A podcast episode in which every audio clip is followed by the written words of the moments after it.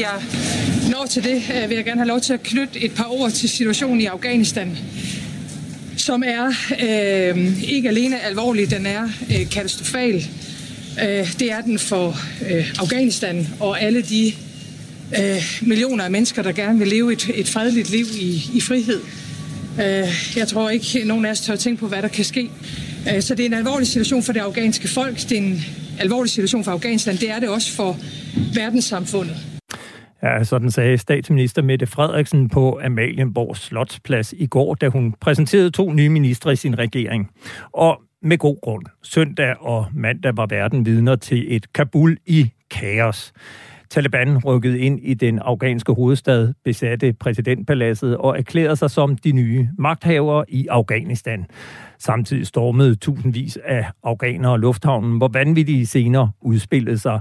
Folkemængder gik rundt blandt fly og på startbanen i den civile lufthavn, og siden øh, forsøgte flere hundrede at omringe og omklamre sig til et øh, amerikansk 17 transportfly, som var i gang med at taxi imod startbanen.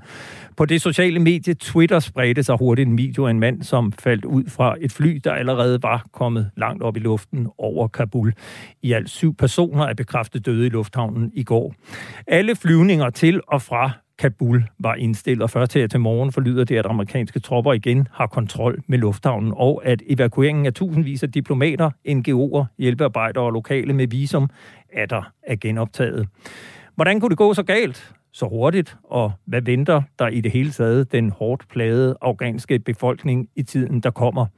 Har vi allerede glemt alt om de tolke, der blev ladt i stikken i Helmand? Og hvad siger man i USA til situationen i Afghanistan? Det handler frontlinjen om i dag, hvor vi kom lidt humpende i gang, fordi vi skulle have taget senderen, og det kludrede jeg i. Mit navn er Peter Ernst Ved Rasmussen. Velkommen til. Jeg kan nu byde velkommen til dig, David Vestenskov. Du er chefkonsulent på Forsvarsakademiet og en af dem, der følger nøje med i udviklingen i Afghanistan. Du var her også som første gæst i sidste uge, og denne gang beholder vi dig i studiet hele udsendelsen, men jeg kunne godt lige tænke mig at spille et lille klip fra vores snak for præcis en uge siden. Der er øh, hvad kan man sige, et angreb øh, på Kabul under opsejling. Om det angreb så kommer øh, om, øh, om tre uger eller øh, om seks måneder, det afhænger selvfølgelig af, øh, af udviklingen, øh, men der er ingen tvivl om, at det her det er ambitionen fra Talibans side, øh, og som det ser, ser ud lige nu, jamen så får de sådan set bare en styrket tro på, at det her kan lade sig gøre dag for dag. Ja, jeg tror godt, jeg kan sige, at du er nok en af de analytikere, der har ramt bedst plet omkring øh, den udvikling den seneste uge, men alligevel er det jo gået hurtigere, end nogen af os havde forestillet. Og kan du ikke prøve at sætte nogle ord på, hvad er det, der er sket i Afghanistan, siden du sad i den her stol for præcis en uge siden? Altså, jeg tror, nøglerne til det her, det er, det er jo selvfølgelig at se på de her øh, befolkningscentre. Øh, altså særligt de nordlige befolkningscentre, Kunduz, altså provinshovedstaden, og, og, og, og Shebagan, altså øh, krigsherren Dostums øh, tidligere højborg. Øh, da de faldt, øh, der, der, der begyndte udviklingen at gå, at, gå, at gå rigtig stærkt. Og så oven i det, et par dage efter jeg var her, øh, jamen så faldt, øh, så faldt Kandahar, øh, og, og så faldt Herat sådan set også øh, stort set inden, inden, inden for samme døgn. Og, og så kommer den her dominoeffekt, øh, altså hvor at det går øh, ligesom stærkere og stærkere. Øh, og, og så var der sådan set øh, ikke rigtig nogen kampmoral tilbage. Øh, så den lille kampmoral, der var tilbage øh, for, en, for en uges tid siden, øh, den lille tro, der var på, at, at man kunne holde nogle af de her befolkningscentre øh, i, øh, i, i, i tre uger eller, øh, eller, eller tre måneder, jamen den forsvandt, øh, da, da, da, da de her byer øh, de faldt. Og så, så fik vi jo den her hvad kan man sige, den her kumulative, øh, eller, eller kumulativ effekt, hvor at der er jo ikke nogen, der har lyst til at stå på den tabende side øh, i den her fase. Man, man kan jo alligevel undre sig. Øh, altså 300.000 afghanske sikkerhedsstyrker, og Taliban kan køre ind i Kabul med tre pick-up sammen på fornemmelsen og øh, stille sig ved nogle, øh, ved, ved nogle rundkørsler og lave interimistiske checkpoints og sådan noget. Hvordan kunne de alligevel bare trille ind, uden at der skete noget som helst? Jamen, det, det kunne de, fordi at de her provinshovedstader øh, begyndte at falde.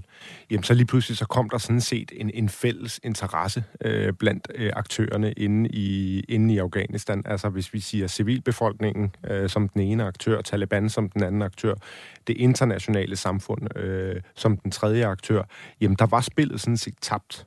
Det vidste man sådan set på det her tidspunkt der handlede det om, ligesom hvad vi kan kalde det i første hjælp, vil man sige standsulykken. Ikke? Øhm, hvad, hvad, hvad, hvordan beskytter vi civilbefolkningen bedst muligt nu, når spillet er tabt? Er det ved at køre en kamp over, over fire til seks uger, hvor øh, Kabul bliver, bliver søndersmadret, øh, eller er det sådan set ved at, ved at lægge sig fladt ned? Øh, Oven i det, så tror jeg også, at der er en del øh, af, af dem, der er i sikkerhedsstyrkerne. Jeg tror, 300.000 er, er nok lidt højt sat, men, men lad os sige det, vi snakker i hvert fald øh, godt over 100.000. Jamen, de har også sagt, jamen, det er ikke den her sag, vi skal kæmpe for det er jo ikke ens betydende med, at de har tænkt sig øh, ikke at kæmpe. Øh, og der kan også være, øh, der vil helt sikkert også være øh, personer og grupper, i, som, som vil prøve at bygge noget op på resterne øh, af den her sikkerhedssektor. Og så kan de jo ikke bruge til noget, at de her soldater falder for en, for, for en tabsag.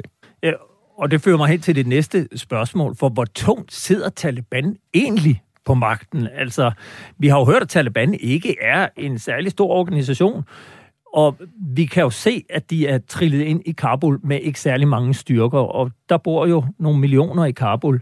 Så hvor tungt sidder de på den magt? Og, og, og det er jo det helt store spørgsmål. Altså, så længe der har været øh, en fælles fjende, øh, og særligt den medvind, de har haft, ikke bare over de seneste par uger, det er vigtigt at sige, at, at det er jo over øh, de seneste øh, knap to år, at de har haft medvind, særligt ude i, i landdistrikterne, jamen der har vi set, af mange af de her øh, mindre øh, militsgrupper, lokale krigsherrer, jamen de er, de er sprunget over øh, på det vindende hold. I Afghanistan vil man altid gerne holde med den, som, som, som der ser ud til at være stærkest i morgen. Øh, så derfor har man fået, fået, fået medvind. Men det, der har været sammenhængskraften, jamen det har jo været øh, kampen mod regeringsherren, kampen mod, mod systemet. Øh, så hvor stærke de egentlig står øh, politisk, jamen det kommer an på, i hvor høj grad de kan fagne Taliban-bevægelsens forskellige fraktioner. Fordi det er faktisk, øh, altså der, der er ret stor forskel på, hvad for, øh, hvad for nogle agendaer, øh, der er blandt de her forskellige grupperinger inden for Taliban. Altså, de skal huske på, det er kriminelle netværk, øh, det er det er militser sponsoreret af, af fremmede landes efterretningstjeneste, og så har du selvfølgelig også en hel del, som, som kører den her idealistiske, øh, øh den, den idealistiske stil. Øh, om, om Taliban kan fagne alle dem. Fordi nu står Taliban også i en position, hvor at, at nu det er dem, der også skal håndtere problemerne. Altså, jo, når du overtager magten, overtager du også problemerne. Og det fører jo så hen til, hvad kommer der til at ske i den mm. kommende tid i ikke bare Kabul, men i Afghanistan? Jeg tror, hvis vi ser på, på sådan øh, den korte bane, jamen, så vil en hel del omhandle, øh, hvad kan man sige, det, det, det er slutspillet i forhold til at få, få, få de internationale folk ud. Øhm, men hvis vi bare kigger, kigger nogle uger frem, jamen, jamen, så vil folk jo stille og roligt begynde at kigge hen imod øh, Taliban-ledelsen. Øh, og der vil ligesom være en forventning om, at der kommer nogle politiske udmeldinger. Øh, i en mere, hvad kan man sige, konkret og, øh, og omfattende form end de her sporadiske øh, slogans, der kommer ud enten fra, fra kommunikationskontoret i Katar eller, eller, eller nogle videoer, som, som, som florerer på nettet. Øh, der vil folk have en forventning om, at der bliver udstukket en eller anden, øh, en eller anden politisk, øh, politisk linje øh, i et eller andet øh, programformat. Det har Taliban ikke gjort gennem de sidste 10-15 år, og det er der jo en grund til. Fordi når du kommer med sådan en udmelding, jamen øh, så er der også nogen inde i bevægelsen, som, som, som vil være uenige. Øh, så når det begynder at komme med de her udmeldinger, jamen så, så, så, så vil det være interessant at se, jamen øh, kan de egentlig fagne øh, bredt? Og nu taler du om udmeldinger, og vi har jo hørt nogle Taliban-ledere sige, at øh, det er et nyt Taliban, og det vil give øh, piger lov til at gå i skole, de vil give kvinder lov til at gå på arbejde. Kan vi overhovedet stole på nogle af de løfter, som Taliban kommer med? Øh, det tror jeg sådan set ikke, øh, og også slet ikke i den her fase, øh, som vi er i nu. Øh, altså, lige nu er der, er der jo forskellige spil, øh, som der foregår. Øh, der, der er jo også en, øh, altså Taliban jeg læser jo også i historien, og mange af dem har jo også levet øh, historien. De ved godt, hvad den her øh, isolerede øh, tilgang til, til omverdenen, øh, hvad, hvad den ligesom endte med øh, sidste gang Derudover så er det også vigtigt at pointere, at, at Taliban med magtovertagelsen også overtager et, et statsbudget, der slet ikke kan hænge sammen. Altså, der er behov for, øh, for, for udenlandske penge, der er behov for udviklingsbistand, der er behov for humanitær hjælp, øh, fordi lige nu, øh, som det ser ud, jamen der er det jo Taliban, der vil blive holdt ansvarlig for, øh, Øh, om de her leverancer kommer. Altså nu er det dem, der befinder sig i den position, som, som regeringssystemet har været i, og det er dem, som der skal stå på mål på, øh, eller stå på mål for, hvordan civilbefolkningen har det. Øh, og der har de nogle kæmpe udfordringer, som, som, som de går i møde i den kommende tid. Vi er med andre ord vidne til, at det land, som danske soldater gennem 20 år kæmpede for at give en ny start, er tilbage, hvor vi begyndte med Taliban ved magten i Kabul. Hvad betyder det for de soldater, som kæmpede mod Taliban i Helmands opiumsmarker? Det skal blive en lille smule klogere på nu, hvor jeg har fået besøg i studiet af Emil Mosekær. Øh, du var soldat i Helmand i 2012 og beskrev søndag i et essay i Politiken, hvilke følelser udviklingen i Afghanistan har gjort på dig som person. Og dit læserbrev, det havde rubrikken, i sommeren 2021 tabte vi EM med rank ryg og forlod Afghanistan med benene på nakken. Og lad mig lige citere en helt kort passage. Du skriver, de sidste ni år har været en underlig blanding af op- og nedtur, søvnløse netter, forliste parforhold, sjælesøgning og en gradvis erkendelse af, at jeg deltog i en spildt mission region.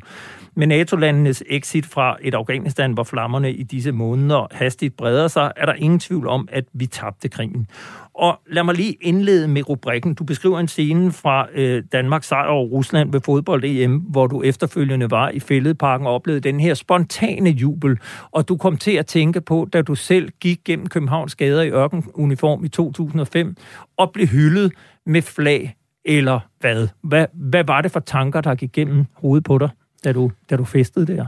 Jamen altså, først og fremmest øh, tak, fordi jeg måtte komme. Og øhm, det var i øh, 2012, at øh, jeg var, det var hjemkomstparaden, øh, efter vi kom hjem i september 2012. Øhm, det som, da jeg sad øh, efter, efter kampen, og der kom den her spontane folkefest, så sad jeg på plænen ud foran øh, fældeparken, efter mine venner var gået hjem, og så jeg kigget på den her fest her.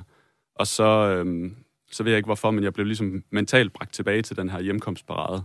Og måske fordi, at øh, det ligesom forskellen i de to ting gik ligesom op for mig, at det, jeg sad og kiggede på i parken der, det var sådan en spontan opstået fest hos et, en befolkning, som bare ikke kunne lade være. I 2012, da vi gik gennem København, der var det, altså, der var hyldest. Folk, de stod der, og vores familie og venner, men det var ligesom en arrangeret fest på en eller anden måde. Det var kommunen, og det var forsvaret, og det var regeringen, der ligesom havde arrangeret det her for os.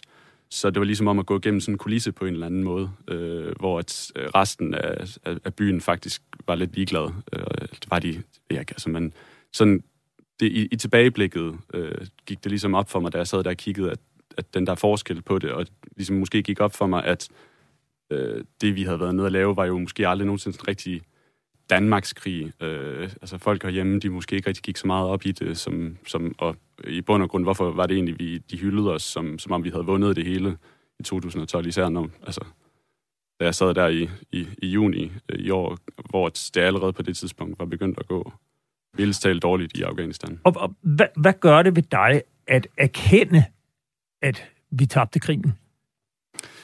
Jamen, øh, jeg tror, at øh, først og fremmest er jeg ikke rigtig overrasket. Det, det, det kom ikke rigtig som en overraskelse for mig. Øh, altså hele, hele de sidste par måneder i søndags. Øh, øh, allerede for om, om lige godt og vel et år siden stod jeg og talte med, faktisk med David øh, om Afghanistan, og hvor vi stod og snakkede om, øh, øh, hvor, hvor meget det egentlig kunne mindede lidt om sådan slutfasen i Vietnam, øh, og et par måneder efter interviewede jeg ham til en artikel, hvor udgangspunktet netop også var Vietnam, fordi at og hvor han sagde altså, øh, nogle af de ting, som vi ligesom er vidne til nu. Ikke? Så, øh, ja, og det hører med her at, til historien, at, at du er uddannet journalist og ja. arbejder som freelancer, og blandt andet skriver for politikken og, og, og Berlingske. Ja, øhm, og, øh, og, og så det vil sige, at jeg tror egentlig, jeg havde forberedt mig på det her. Jeg er også, altså, som, som journalist og som gammel soldat, er jeg vant til at forvente det værste, og håbe på det bedste, og så jeg havde ligesom, jeg, var, jeg, jeg har ikke været overrasket over det her, men altså, det gør jo stadig ondt øh, at se på, og,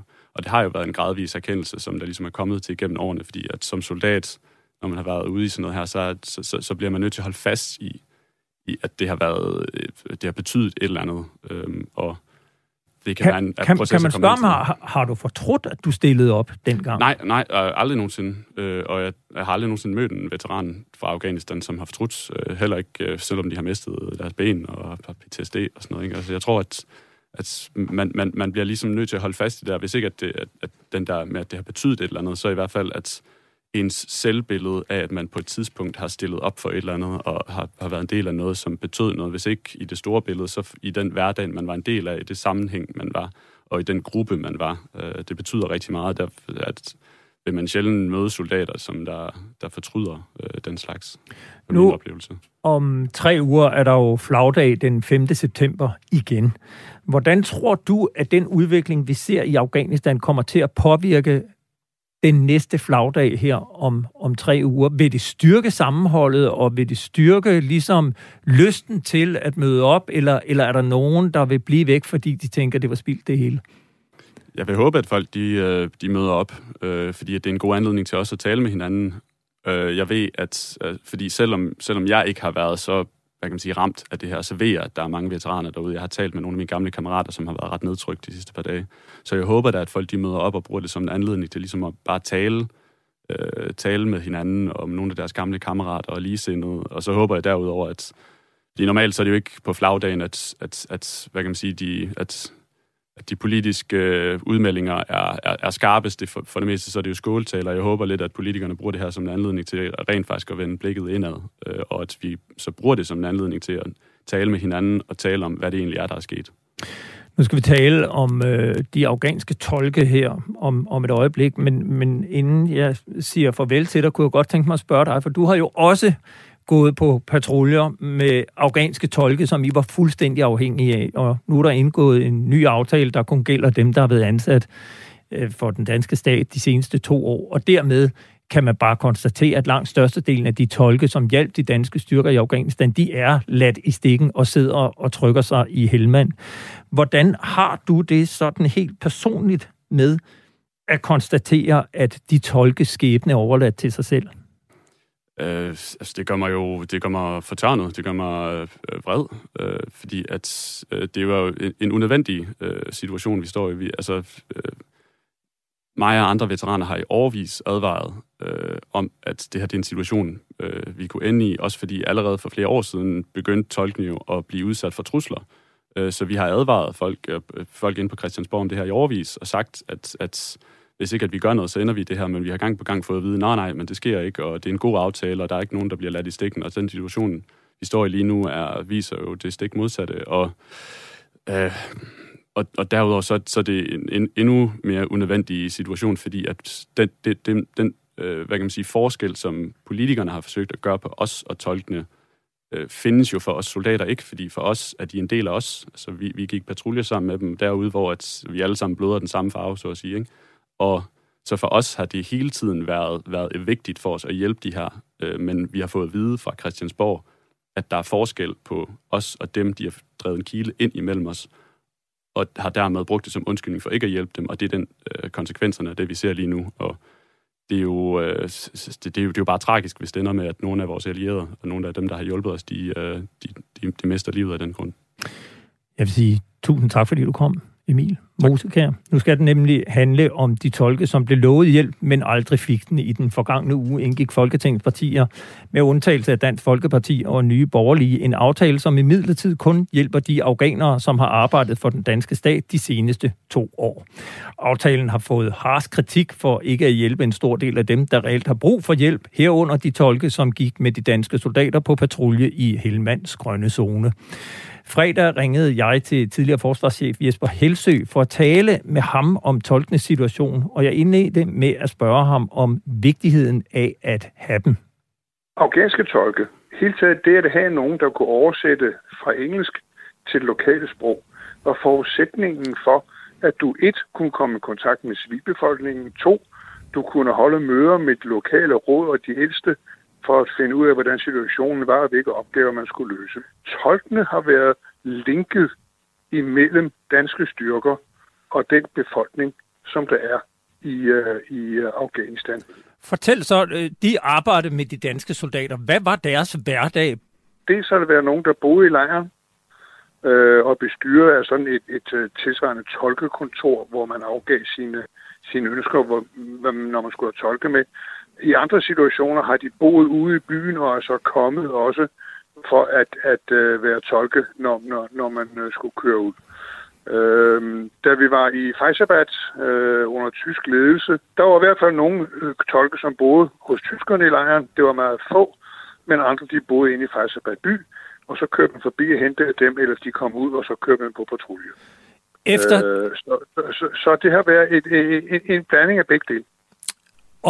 Jeg går ud fra, at de tolke, der arbejdede for Danmark og var med ude, de var iført danske uniformer. De var i hvert fald iført danske uniformsgenstande. En dansk hjelm, en dansk fragmentationsvest, måske en, en vanddung på ryggen, øh, måske en jakke, ikke øh, med egne bukser og sådan nogle ting. Så, så der har været uniformsgenstande. Der var ingen, der var i tvivl når man så det, okay. hvem det var, der var tolken. Og, og set fra din stol, hvor let genkendelige øh, var disse tolke for lokalbefolkningen? Altså, var man klar over, hvem der arbejdede for de danske styrker? Altså, lokalbefolkningen, naboerne, familien, de vidste udmærket godt, hvem der arbejdede for hvem, og hvem der havde kontakter med hvem. Så tolken er et kendt ansigt som en, som arbejdede med de danske styrker, engelske styrker eller tyske styrker. Det var, det var velkendt i lokalbefolkningen, øh, så, så, så han kunne ikke leve i skjul, og der har der også været tilfælde, hvor deres familie er blevet chikaneret, fordi de arbejdede sammen med og hjalp de, de danske styrker. Du, jeg er helt med på, det er lang tid siden, du var forsvarschef, og du har sikkert ikke nogen opdaterede tal overhovedet, men alligevel et slag på tasken. Hvad vil du tro, at antallet af tolke, der har hjulpet de danske soldater gennem den tid, vi har været i Afghanistan, øh, tæller? Taler vi om 30, 100 eller 500? Jeg tror ikke, vi taler om det sidste.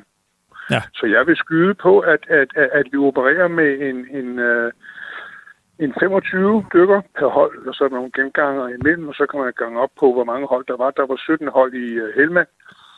At så. det er nok et... et, et, et en 200-300 stykker? Ja. ja. Hvor stor en fare vurderer du, at de 200-300 tolke lever i i dag?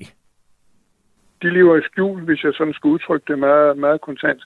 Jeg tror, de går rundt øh, konstant med en knude i maven, der siger, hvad sker der med mig nu her, når Taliban får kontrol over Laskagara eller Garish, som de jo har fået her på det sidste.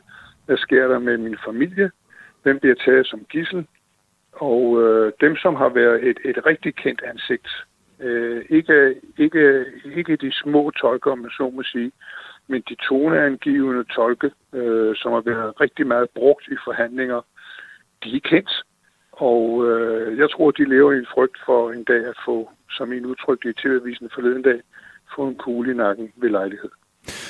Nu er der jo så indgået en politisk aftale, som jo så ikke hedder en tolkeaftale. Det er en, en aftale, der hjælper de ansatte på ambassaden. 45 ansatte, som bliver evakueret nu med deres familier. Og udenrigsministeren og forsvarsministeren gør jo meget ud af at sige, vi har ikke haft tolke ansat, øh, og, og dem, vi har haft tidligere, de kan søge på tolkeaftalen. Hvor meget giver du for øh, det tilbud, regeringen stiller til disse tolke, vi taler om, som arbejder for de danske styrker, primært i, øh, i Helmand i den hårde tid, og selvfølgelig også dem, der har været engageret andre steder? Så siger jeg, at det er fantastisk svært for en tolk i Faisabad, som nu er i Talibans hænder, eller i Helmand og Garish, som nu er i Talibans hænder, at kunne gå til politidirektøren og sige, kan jeg ikke lige få en skrivelse, et dokument på, at jeg er personligt forfulgt, for det skal jeg bruge, for jeg kan muligvis søge at få et visum øh, og komme til Danmark. Det løb, det er kørt. Det er sandgående. Så derfor synes jeg, et, det er positivt, at der er en aftale omkring de 45 på ambassaden, men som jeg kan udtrykke for tidligere, hvad med dem, der ligger længere tilbage end, øh, end to år. Når du tænker på, øh, da du sad med ansvaret som forsvarschef, hvis, hvis du skulle rådgive, eller hvis du med, med det ansvar, en forsvarschef har, også for de øh, tolke fra andre lande, der arbejder for forsvaret, øh, skulle have lov at bestemme, hvad skulle der ske med de tolke? Hvad vil du så øh, bede om? Jeg vil bede om, at, at, at der på et meget, meget tidligt tidspunkt, hvor man kunne se i beretning, det måske, måske ville gå, at der bliver der lavet et ret stort koordinationsarbejde, dels øh, internt i øh, centraladministrationen, men frem for alt også med de øh, myndigheder, som har tilvejebragt de tolke, som har støttet danskerne.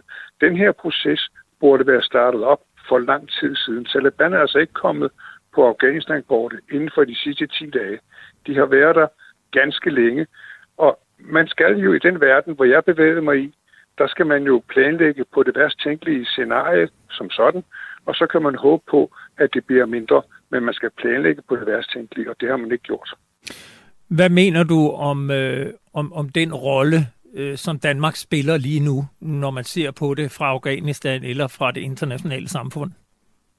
Det her vil komme til at sætte nogle skov i en dansk anseelse. Når Danmark skal ud næste gang igen, og vi søger over for tolke, så tror jeg, at der er nogle tolke, der vil kunne huske, hvad skete der med tolkene i Afghanistan, da Danmark trak sig ud.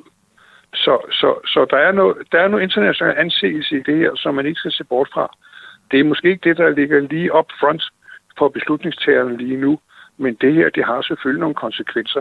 Det har også, og det vil jeg godt medgive politikerne, det er også konsekvenser at træffe en beslutning, der siger, at vi tager det hjem. For det skaber jo en præcedens. Altså, det er jo den der frygtelige afvejning, der skal foretages. Og det har vi faktisk politikerne til. Men jeg mener, at her, der har de afvejet lige snævert nok. Ja, den sagde altså tidligere forsvarschef Jesper Helsø. Og i de seneste dage er situationen blot blevet endnu værre for de tidligere danske tolke, og min kollega Miriam Legård har været i kontakt med en tidligere tolk for de danske styrker, Said Baram, som i øjeblikket befinder sig i lufthavnen i Kabul. I sidste uge, da den nye hjælpepakke til lokalt ansatte i Afghanistan blev vedtaget, fik jeg fat i Said Baram, en afghansk mand, der har arbejdet tæt sammen med de danske styrker under flere af vores missioner i Afghanistan, og han var tolk. Vi aftalte at lave et interview, og så eskalerede situationen i landet. Og da jeg prøvede at få fat på ham mandag morgen, blev jeg mødt af det her.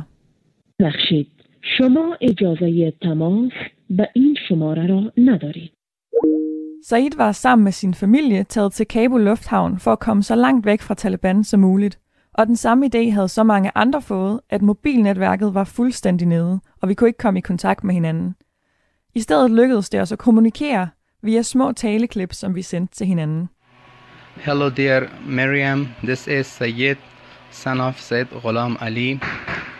I have uh, five children, one son, four uh, daughters. In fact, I was hired in a British company called LSU Computer. Then they uh, give us to the Danish uh, battle group. Then I have worked with the Danish battle group in camprise, Armadillo, and two other small PBs that I forgot that names, uh, which I got injured in one of that PB. And I was a translator, battle group translator. Said blev altså ansat i et britisk firma, men arbejdede med de danske tropper i flere forskellige store missioner. Men det er mere end to år siden, han holdt op, så han er ikke omfattet af den aftale, der nu er blevet lavet politisk i Danmark, for at hjælpe de lokalt ansatte. I feel disappointed and uh, I feel alone and uh, I need help. Lige nu befinder Said sig fortsat i Kabul Lufthavn sammen med sin familie. De har ikke uh, nogen udsigter til at komme ud, og der har været total kaos de seneste dage. And uh, I'm right now in airport, Kabul airport, and uh, it looks like that uh, the jail people comes from the jail out. There is a lot of people, too many people, about 30,000 people. And nobody knows that who will get help. And they are just pushing each other when the Americans firing and Taliban are firing. So they are pushing each other. So the, today there was two kids that they killed in, in this pushing. And also my small daughter got hurt. Then I called to my mother-in-law. She came from Jalalabad this evening and I took her, my daughter. Det er på alle måder en rigtig svær situation, som familien står i lige nu. Og de fire af børnene, Said og hans kone, er stadig i lufthavnen. My kids are crying and they're telling me to go home back, back home. And uh, the situation don't let me to go home back. Og han har da også en meget klar besked til politikere og myndigheder i Danmark. Inform the Danish politician or authorities. I really, really need help uh, if the Danish government help me, if the British or if the Americans. It's uh, I don't care which country help me, but I really need help because I'm in a bad situation. Believe me, Taliban were searching the houses about uh, two streets away from the street that we are leaving from Jalalabad. And then we escaped from that place and we came to airport, Kabul. So I really need help.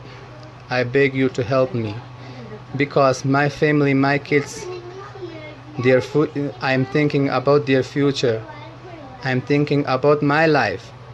And I believe it, if I don't uh, get help, that uh, my, my life will be gone and it will be over. Er et et desperat råb fra en tolk, der nu sidder i lufthavnen i Kabul. Det var min kollega Miriam Legaard, der havde talt med Said Baram. David Vestenskov, hvad er chancerne for de her tidligere tolke, at de overhovedet kommer ud af Afghanistan?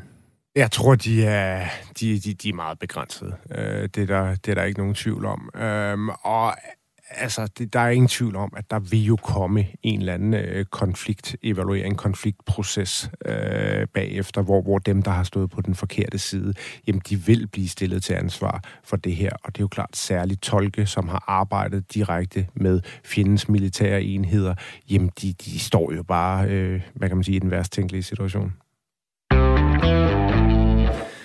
Nu skal vi se på, hvordan det kunne gå så galt. Jeg kan nu byde velkommen til dig, Niels Klingenberg Vistisen. Du er krigshistoriker og tidligere mentor for en afghansk distriktsguvernør og forsker på dele af erfaringsopsamlingen fra Afghanistan. Første gang vi mødte hinanden var jo rent faktisk i Afghanistan for 10 år siden i den danske Camp Price, hvor du var udsendt for Udenrigsministeriet. Kan du ikke bare helt kort fortælle indledningsvis, hvad var din opgave der? Ja, min opgave i Price der i, i 2011 var jo som, som del af det District Stabilization Team, der var dernede, som del af, af det der øh, fælles dansk-britiske Reconstruction Team. Det var at mentorere den lokale afghanske regering dernede, altså distriktsregeringen. Og min primære opgave, det var at mentorere, som det hed, og det, det er jo indeholdt mange forskellige opgaver, men det var ligesom at støtte og mentorere guvernøren i distriktet dernede, øh, men også resten af det politiske landskab, der er dernede i distriktsrådet og borgmesteren mm. i byen og forskellige andre ting, for at lave, lære dem at lave god regeringsførelse og skabe det her alternativ til Taliban, som det hele gik ud på. Du har jo fulgt øh, krigen tæt gennem mange år, var som nævnt medforfatter på Afghanistan-opsamlingen.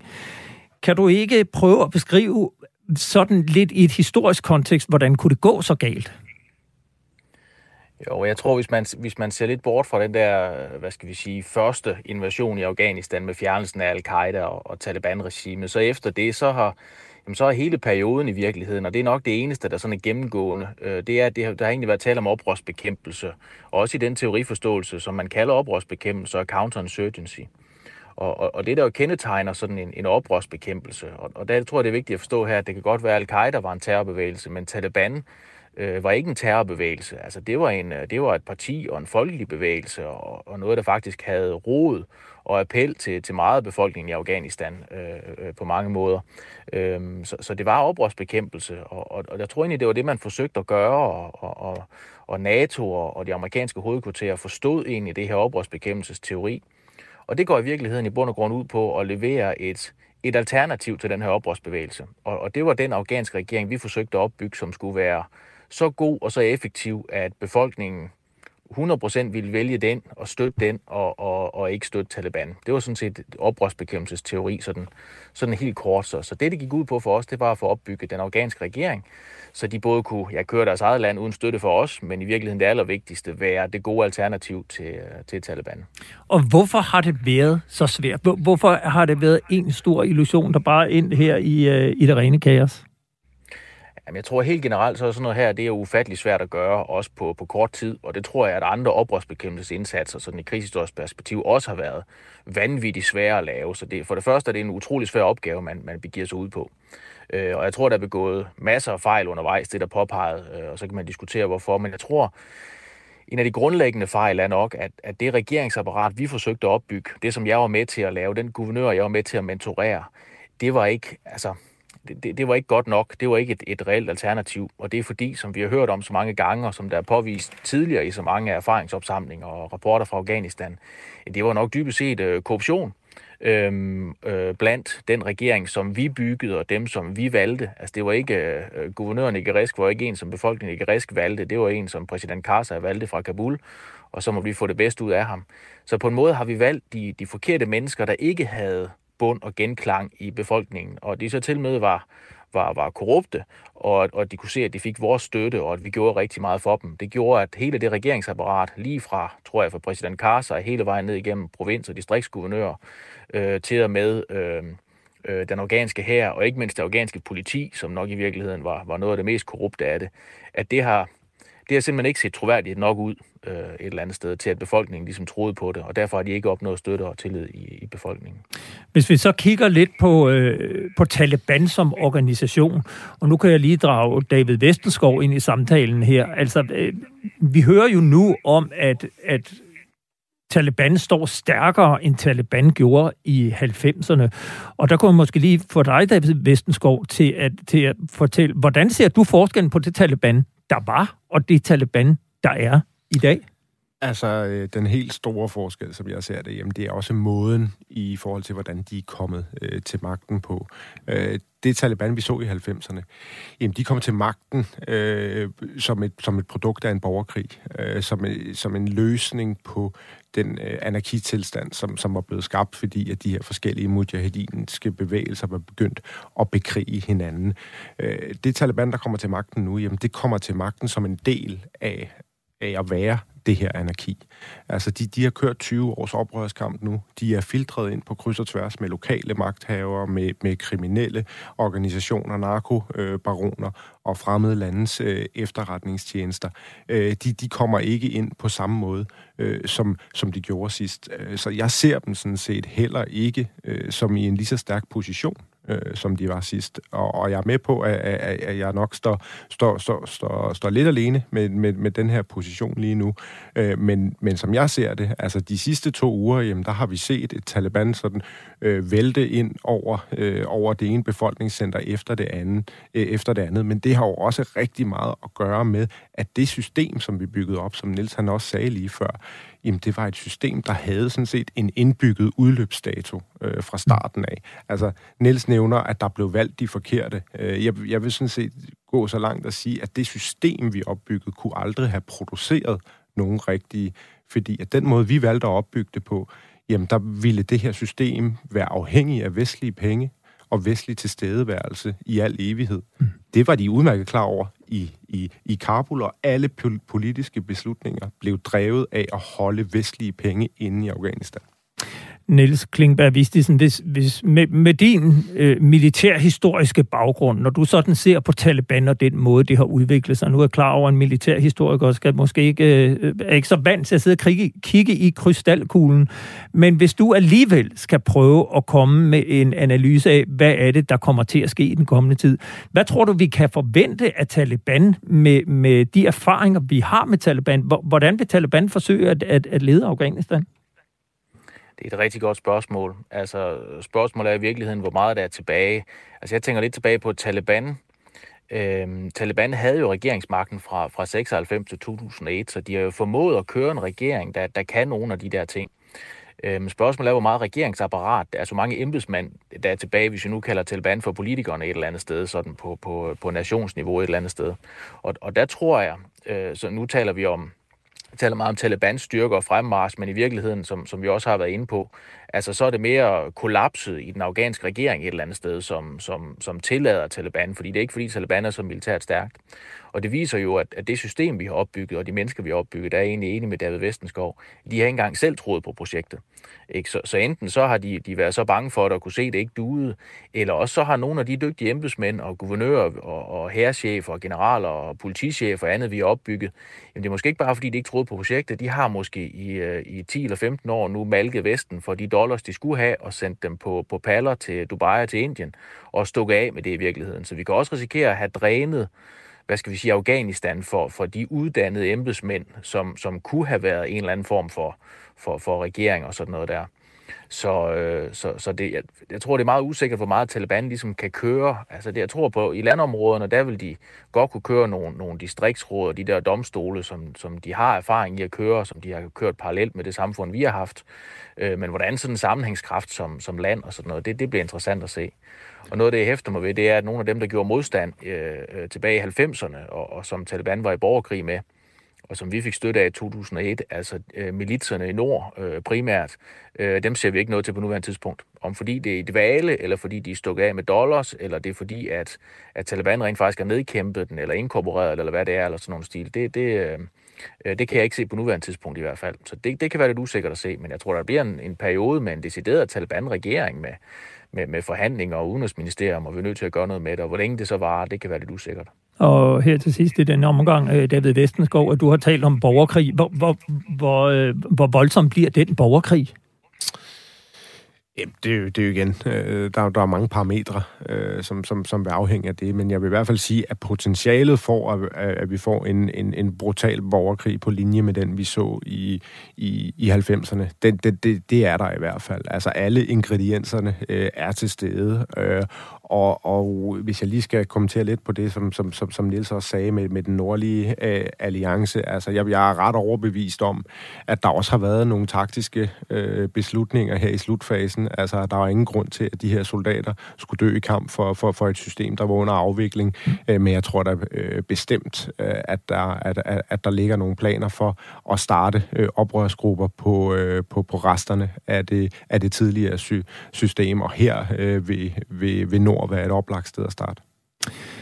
Jeg vil sige uh, tak til dig, Niels Klingenberg Vistisen, der var med på en uh, telefon. Uh, tak fordi du var med.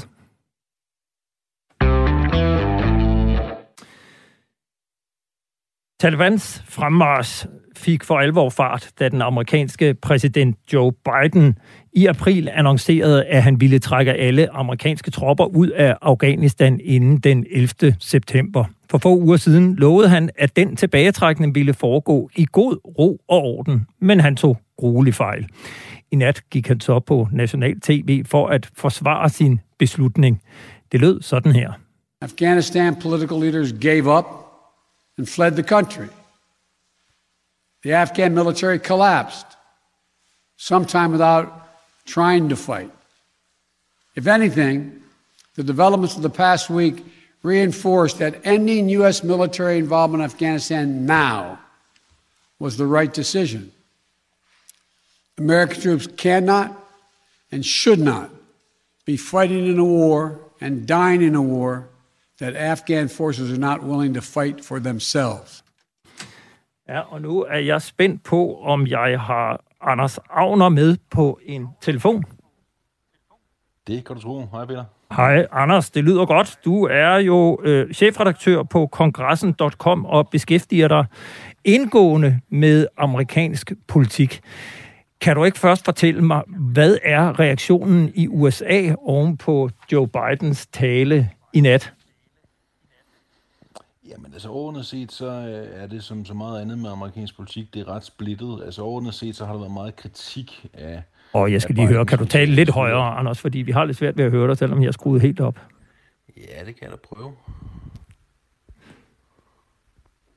Ja, du kan bare... Så prøver vi at se, om det er bedre nu. Det håber vi. Hvad, hvad er reaktionen på, på, på hans tale? Ja, overordnet set, øh, så er reaktionen den, at, øh, at der er meget kritik af Biden, ikke mindst fra republikanernes side. De har meget travlt med at, øh, at kritisere hans, øh, hans meldinger, der jo må siges at øh, i hvert fald være noget anderledes for en måneds tid siden, hvor han sagde, at der var ingen grund til bekymringer, og at situationen nok skulle gå ganske fint, og han ikke mente, at øh, der var nogen risiko for, at det kunne gå, som det så er gået. Det bruger republikanerne selvfølgelig til at angribe ham og sige, jamen prøv at høre, det her viser bare, øh, at øh, demokrater, i det her tilfælde Biden, ikke kan betros øh, udenrigs- og sikkerhedspolitisk ansvar, og øh, omvendt så prøver Biden og demokraterne at forsvare sig og sige, prøv at høre engang, det her er altså ikke kun noget, vi ville, det her var altså også noget, Donald Trump han ville, men det er klart, der har været meget kritik af Biden, øh, ikke mindst i de seneste dage. Og hvad, øh, se, altså Bidens situation, hvor alvorlig er den for, for hans omdømme og, og hans øh, eftermæle med, med det, der er sket i Afghanistan?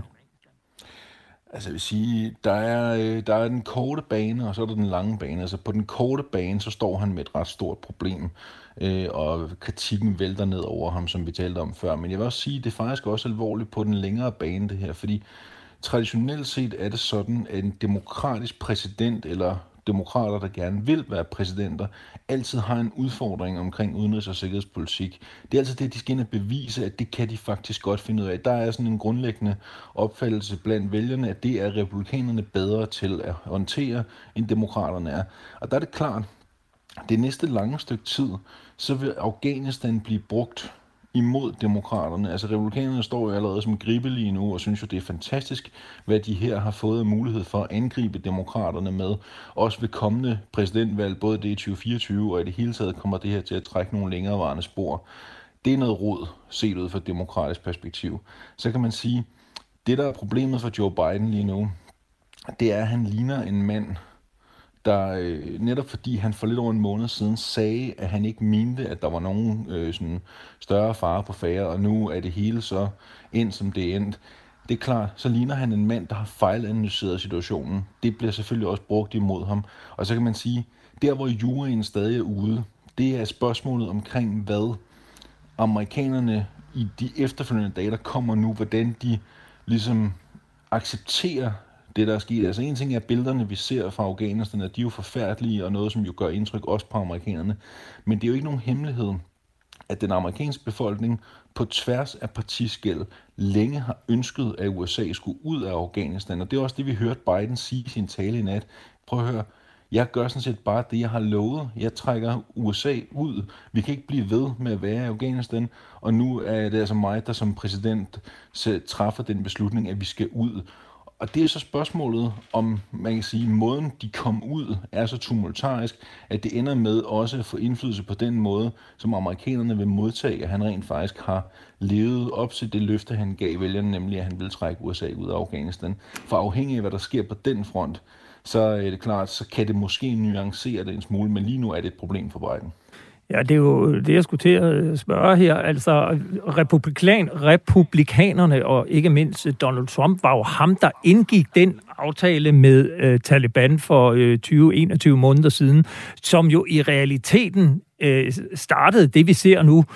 Øh, er der slet ikke sådan en forståelse blandt republikanerne om, at Joe Biden rent faktisk bare gør det, som vi alle sammen er enige om, der var nødt til at ske? Nej, ikke rigtigt. Eller det kan godt være, der er det bag lukkede døre, men man kan sige, at politik er jo også et, øh, et kynisk og ofte ganske brutalt spil. Og øh, i det her tilfælde, så har republikanerne øjnet, der er en mulighed for virkelig at ramme Joe Biden her. Fordi sandheden er også, at Biden har haft en stærk start som amerikansk præsident. Han har leveret på en masse valgløfter. Han har fået i hvert fald rimelig godt styr på, på coronasituationen i USA. Øh, han har fået lavet en masse andre store reformer i et tempo også, som er usædvanligt stærkt. Øh, ikke bare for Biden, men for præsidenter i det hele taget. Og når der så kommer sådan en sag her nu, så er det klart, at man som republikansk opposition gør alt, hvad man kan for at angribe. Og altså, man kan sige, ja, du har fuldstændig ret. Aftalen var lavet af Trump, og Trump ønskede også at trække USA ud og så videre. Men det her kaos, der er brudt ud i Afghanistan, det sker på Bidens vagt. Det er ham, der er præsident. Det er ham, der eksekverer. Og så kan man øh, meget, meget nemt som opposition, og det gør de også øh, med, med iver øh, lige nu, republikanerne, angribe ham med alt, hvad de har, og male alt med den her, kan man sige, Afghanistan-pensel og sige, der kan I bare se, det er det bedste bevis på, at Biden overhovedet ikke kan betros ansvaret af demokraterne lige så. Så det er, øh, det er hurtigt, at nuancerne er forsvundet, selvom du har fuldstændig ret. Øh, vi skal lige runde det internationale. Altså, der har jo mm. været et, øh, et, et diplomatisk ramaskrig, tror jeg, man kan kalde det, fra regeringer rundt omkring i Europa primært, som jo har bakket op om USA, og, og man ser jo udenrigsminister udtrykke øh, frustration over den måde, som amerikanerne bare traf beslutningen, uden at involvere de allierede i overvejelserne, eller give dem noget særligt godt varsel. Øh, Øh, hvad betyder det her for amerikanernes og særligt Biden-regeringens øh, samarbejde med særligt alliancepartnerne i Europa? Jamen, der er lidt, øh, der er lidt oprydningsarbejde, der venter, både for, for diplomaterne og for udenrigstjenesten i det hele taget. For det er klart, der er, der er en, en stor øh, vrede og en stor frustration lige nu Og, øh, og der er jo, øh, som du fuldstændig rigtigt siger, der er jo kommet masser af kritik øh, fra, fra flere sider. Og det er klart, for Biden er det her jo også stadigvæk nyt i forhold til at være præsident. Han har overtaget for ganske få måneder siden efter Trump. Og man havde jo regnet med fra, øh, blandt andet fra Europas side og fra alle USA's allierede side det hele taget, at man nu havde øh, en amerikansk præsident, som man både kunne stole på, regne med, som var lidt mere forudsigelig, og som øh, også øh, erklærede, at han søgte dialogen, og han søgte samarbejdet. Og det er jo ikke helt det, der har været tilfældet omkring håndteringen af Afghanistan, så derfor venter der et, øh, et, et vist øh, oprydningsarbejde, og, øh, og der skal nok også øh, drikkes mere end et par kopper kaffe, før skovene de sådan lige bliver klinket diplomatisk, fordi det er noget, som, øh, som sætter sig nogle spor, det her. Jeg kunne godt tænke mig at spørge dig, David Vestenskov. Øh, hele den her situation, som, som situationen i Afghanistan har, har sat NATO i, hvad betyder det for, for NATO-samarbejdet? Også den her meget egenrådige øh, amerikanske præsident, der bare træffer en beslutning og fører den ud i livet, og hvor, hvor, hvor de allierede, de står ligesom og tænker, hvad, hvad skete der der? Jamen, jeg, jeg tror, det, det, det er vigtigt at, at huske på, at, øh, at, øh, at du har også nogle, nogle, nogle europæiske lande, jo, som, som jo sådan set har været med hele vejen, altså, og som også bakket op øh, om, om, om, om den her beslutning, da den blev udmeldt. Øh, det var jo ikke der, man hørte, øh, man, man, man hørte de her ramaskrig om, om, hvor galt det er gået. Øh, selvfølgelig vil man begynde, øh, og det tror jeg sådan set, man, man har gjort alligevel, men man vil selvfølgelig gentænke de her koalitioner og, og de her øh, missioner, øh, hvor man er så afhængig af USA, øh, som man nu engang er. Øh, men, men jeg tror også, at, at lige i øjeblikket, der er vi også i en periode, hvor at, øh, at, at særligt de europæiske lande har, har selvfølgelig også travlt med, med, med ligesom at, at, at pege, pege, pege fingre af USA, øh, fordi det er dem, som, som, som, som traf den her øh, beslutning. Men, men det er jo sådan set ikke Joe Biden, der, som der har truffet den her øh, beslutning. Altså det ligger jo, det ligger jo 20-21 måneder tilbage, øh, og, og, og i den periode, jamen, der har vi jo ikke hørt nogen som helst øh, europæiske lande, øh, som, som, som, som der har søgt og, og ligesom sige, at det her engagement skal forlænges, eller den her tilbagetrækning kan, kan slet ikke foregå, øh, foregå så, øh, så hurtigt. Så, så man kan sige, at vi har givet, altså ansvaret er blevet lagt over, øh, over ved, øh, ved amerikanerne, øh, og, og, og det tror jeg sådan set også, øh, at, man, at man har en forståelse for på, på, på europæisk niveau, i hvert fald bag, bag de lukkede døre.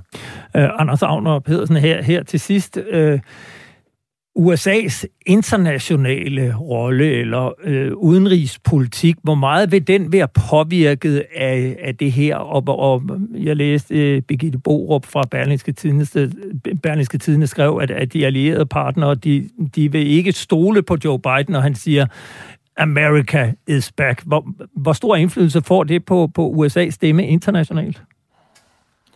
Altså, jeg tror, øh, jeg tror stadig, der vil være en, en tiltro til, øh, til Bidens øh, og USA's lederskab, og der vil være en vilje til, at man øh, blandt andet fra europæisk side også stadig søger et tættere samarbejde. Øh, fordi Biden netop rækker ud og siger, altså sådan som jeg forstår America is back for Bidens side, så er det blandt andet at sige, at man bekender sig til diplomatiet igen, man bekender sig til fælles øh, internationale forer som FN, NATO og så videre på en helt anden façon end, end Trump gjorde.